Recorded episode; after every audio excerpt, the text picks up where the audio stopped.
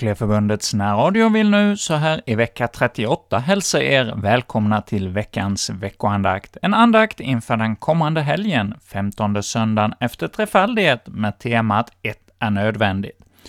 Och idag har vi hjälp av Anders Eliasson från Uddevalla att leda vår andakt, och han kommer att utgå ifrån alla tre texterna för denna kommande söndag. Och vi ska nu då inleda denna andaktsstund med några verser på salmen 247, Befall i Herrens händer, och sen avslutar vi andakten med de resterande verserna på denna psalm, alltså psalm 247, inrama av veckans andakt från Kyrkliga Förbundet.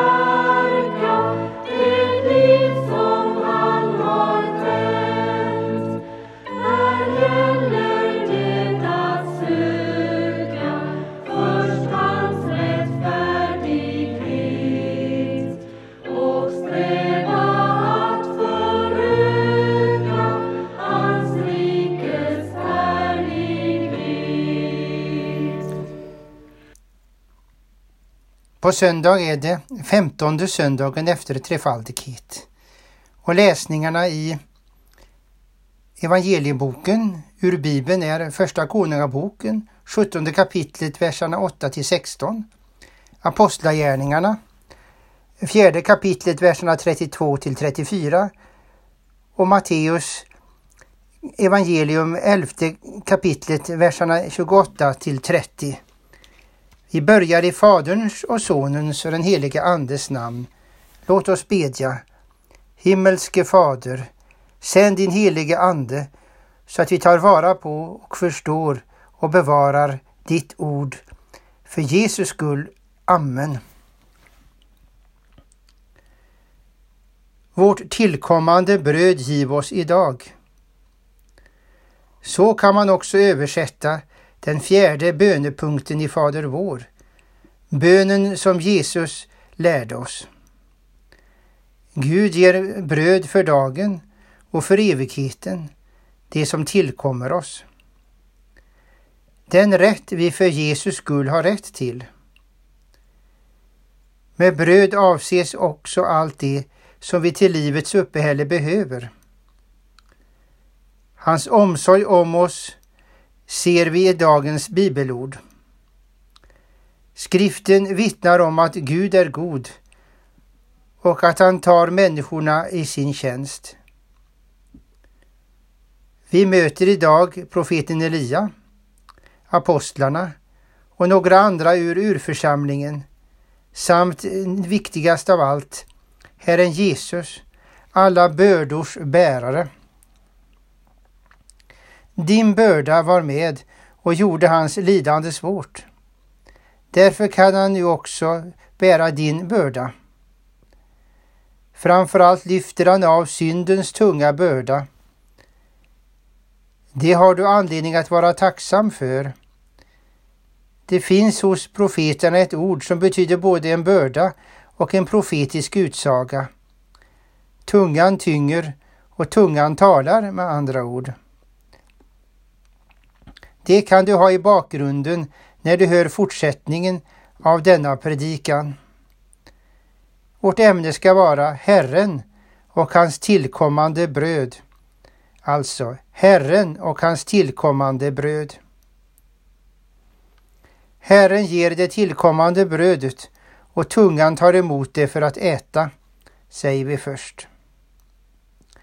Elia var en Herrens profet och det finns åtskilliga bibliska berättelser om honom.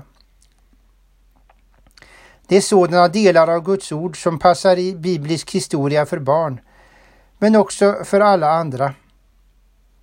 Guds ord är verkligen något att ta vara på och det är nyttigt till kunskap, salighet och fostran i rättfärdighet.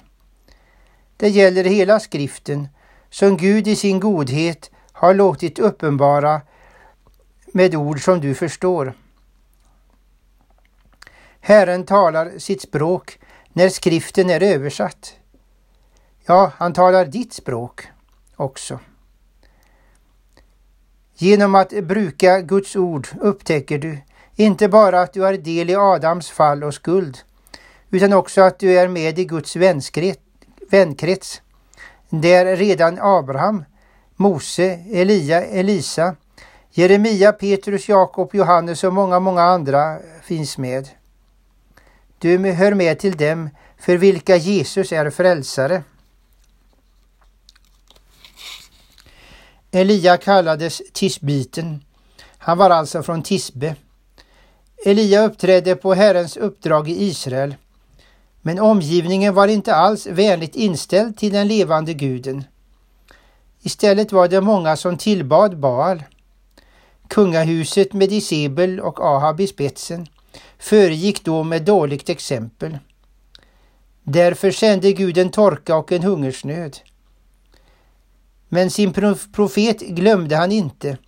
Först vistades Elia vid bäcken Kerit, där han fick vatten ur bäcken och dessutom kom det korpar med bröd och kött. Sedan fick han befallningen att gå till Sarefat i Sidons land, där han skulle få bröd hos en änka. Elia var Guds redskap när han på berget Karmel skulle uppenbara att Herren är Gud. Denna utsaga sammanfaller för övrigt med betydelsen av Elias namn så det skulle kunna innebära en frestelse för profeten att få höra folkets rop Herren är Gud. Avguden Bals profeter kom på skam, det började regna. Elia kom ut i öknen där han lärde sig att Herren inte är i stormen, jordbävningen och elden, utan i den stilla susningen. Det var också Elia som talade bestraffande ord eh, till kung Ahab i historien med Nabots vingård. Elia fick uppdraget att smörja Hasael till kung över Aram och Jehu till kung över Israel. Men detta utfördes först av hans efterträdare Elisa. Elia hör till de mycket få människor i Bibeln som lämnat jordelivet utan att dö.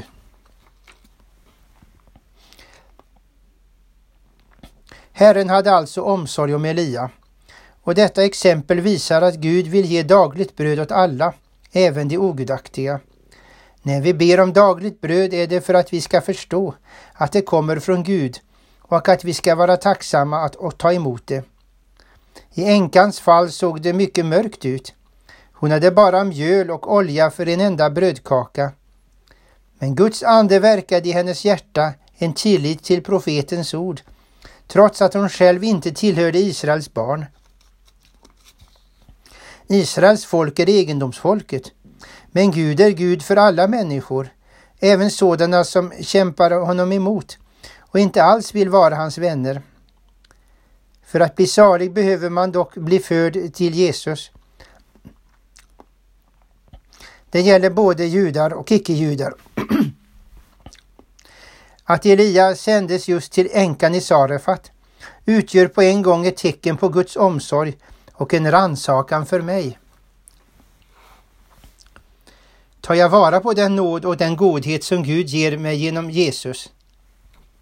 Eller föraktar jag den genom att lita på mig själv och min fromhet? Det är alltså Gud som låter det växa på marken så att vi kan få bröd.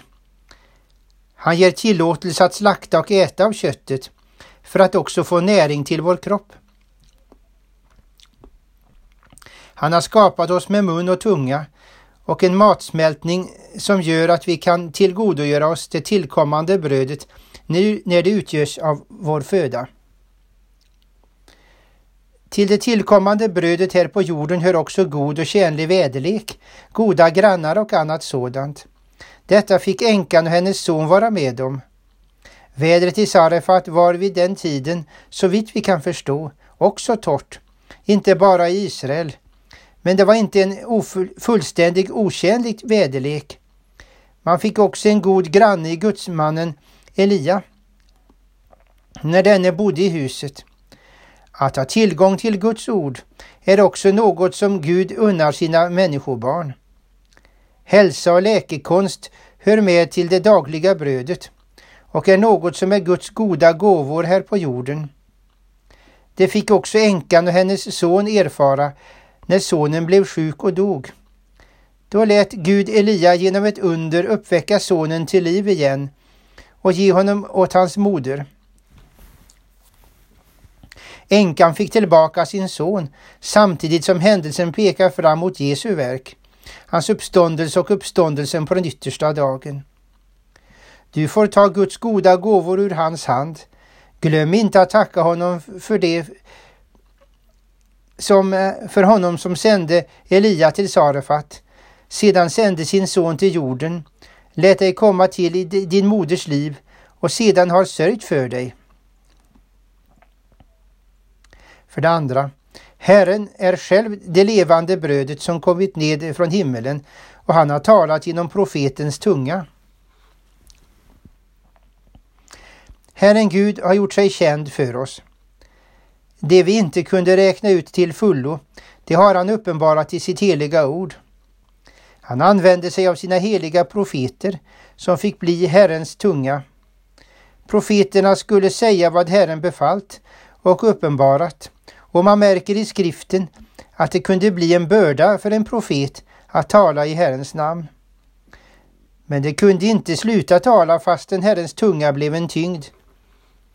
Även för Elia medförde det bekymmer, även om han inte har någon egen profetbok utan uppträder i konungaböckernas berättelse. Redan under ökenvandringen kom det himmelskt bröd till Israels barn. För det första dels så att de sex dagar i veckan fick plocka manna som var tillräcklig föda för dem. De behövde inte vara hungriga utan kunde använda mannat på olika sätt som föda. De skulle använda det enligt Herrens befallning. Gjorde de annorlunda blev mannat oätligt. För det andra, dels så att Herren själv gick mitt ibland dem. Han uppträdde som en mollstod om dagen och eldstod om natten och uppenbarade sig för Mose på berget Sinai. När nu den treenige guden var där var också sonen där. Det är Jesus som är det levande brödet som kommit ner från himmelen för att ge världen liv. Aposteln talar om att det var en klippa som följde folket och ur vilken de drack. Den klippan var Kristus. Herren Jesus är inte likgiltig för dig. Han vill att du ska vara hans vän och att han ska vara den klippa du kan stå på. Det är på honom som hans församling är byggd.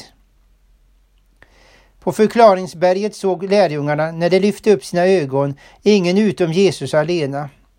Jesus är den enda grunden för tron, den enda frälsaren och den enda orsaken till att du kan bli frikänd och frälst. Han var alltså med från begynnelsen och han är sann Gud och sann människa. Redan hos Mose kunde man läsa Hör Israel, Herren vår Gud, Herren alena. Så binds skriftens båda delar ihop. Det finns ingen motsättning utan olika skriftställen lyser på varandra. Guds uppenbarelse uppenbarades efterhand, men nu är den fullständig och Guds ord kommer aldrig att tryta. Det räcker som andlig föda. Det är verksamt fastän många säger nej till det. Gud är så god att han låter sitt ord nå dig i olika yttre gestalt. Ofta på ett sätt som vi tycker är oansenligt och nog lockas att förakta. Tryckta bokstäver i en bok, ord som läses högt av någon annan, predikan av Guds ord, det synliga och påtagliga ord som sakramenten utgör. När Gud delar ut det vi har ansvar för, hur tar vi då emot det? Alla olika utgåvor av Guds ord kan tyvärr föraktas och behandlas på ett ovärdigt sätt, inte bara nattvarden. Vittnesbördet från Herren är till för att tas emot.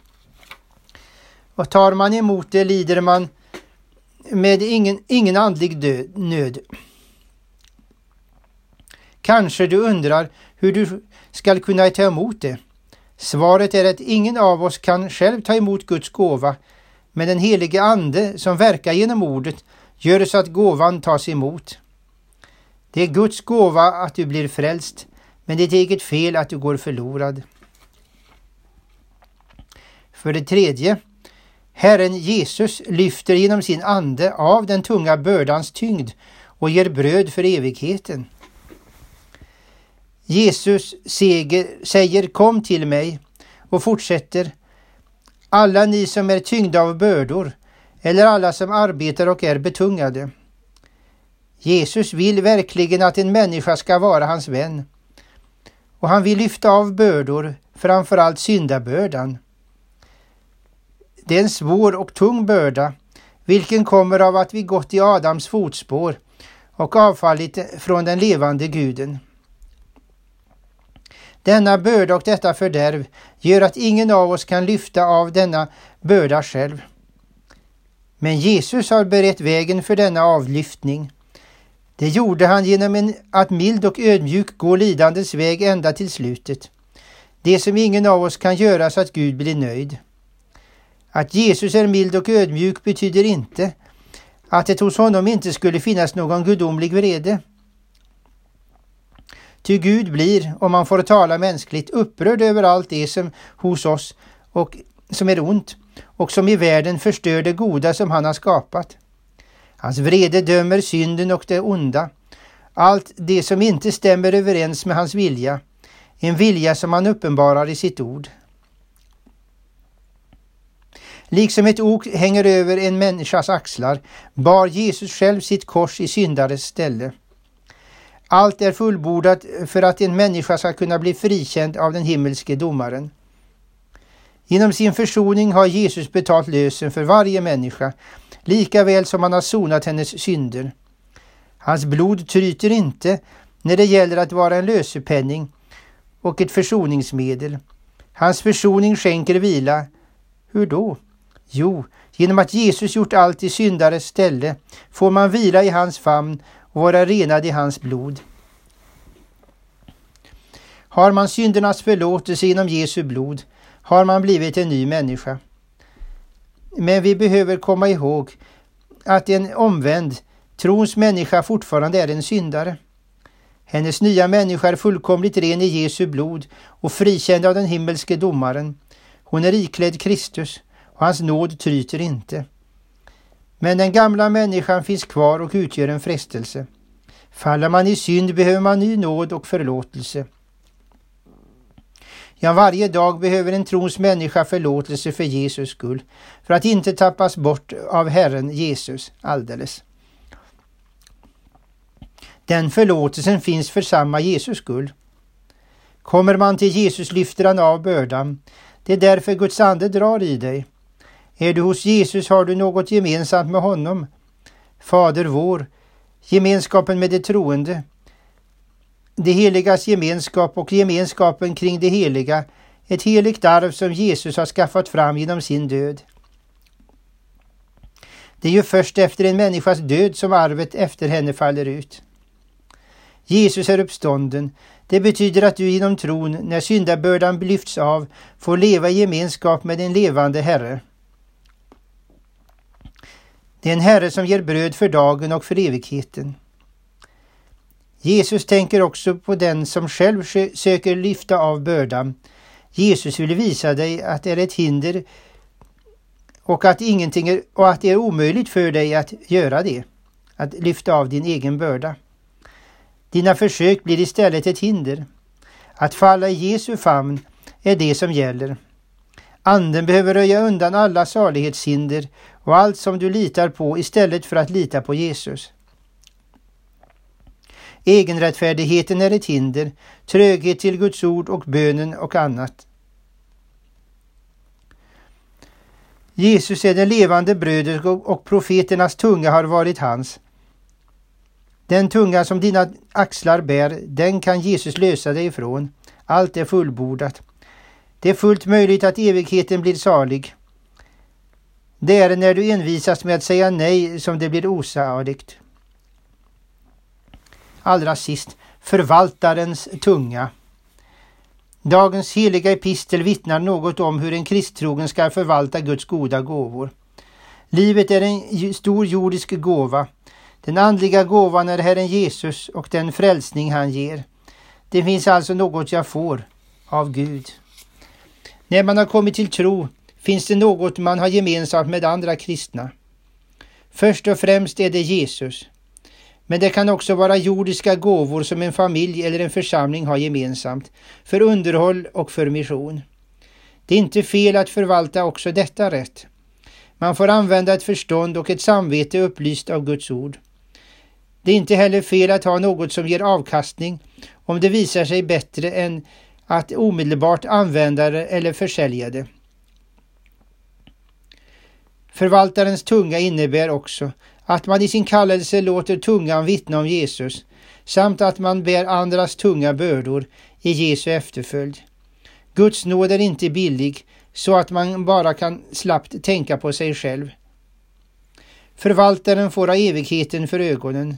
Tyngden kan då bli så att man får bekymmer för om det tillkommande. Det tunga får du bära till Jesus, liksom allt annat som tynger dig. Jesus är vännen som tar hand om allt. Amen. Fader vår som är i himmelen. Helgat varde ditt namn. Tillkomme ditt rike. Ske din vilja så som i himmelen så och på jorden. Vårt dagliga bröd giv oss idag och förlåt oss våra skulder så som och vi förlåta dem oss skyldiga äro. Och inled oss icke i frestelse utan fräls oss ifrån ondo. Ty riket är ditt och makten och härligheten i evighet. Amen. Herren välsigne er och bevare er. Herren låter sitt ansikte lysa över er och vare er nådig. Herren vände sitt ansikte till er och give er frid. I Faderns och Sonens och den helige Andes namn. Amen. Så strid med mörker, synd och brist och vet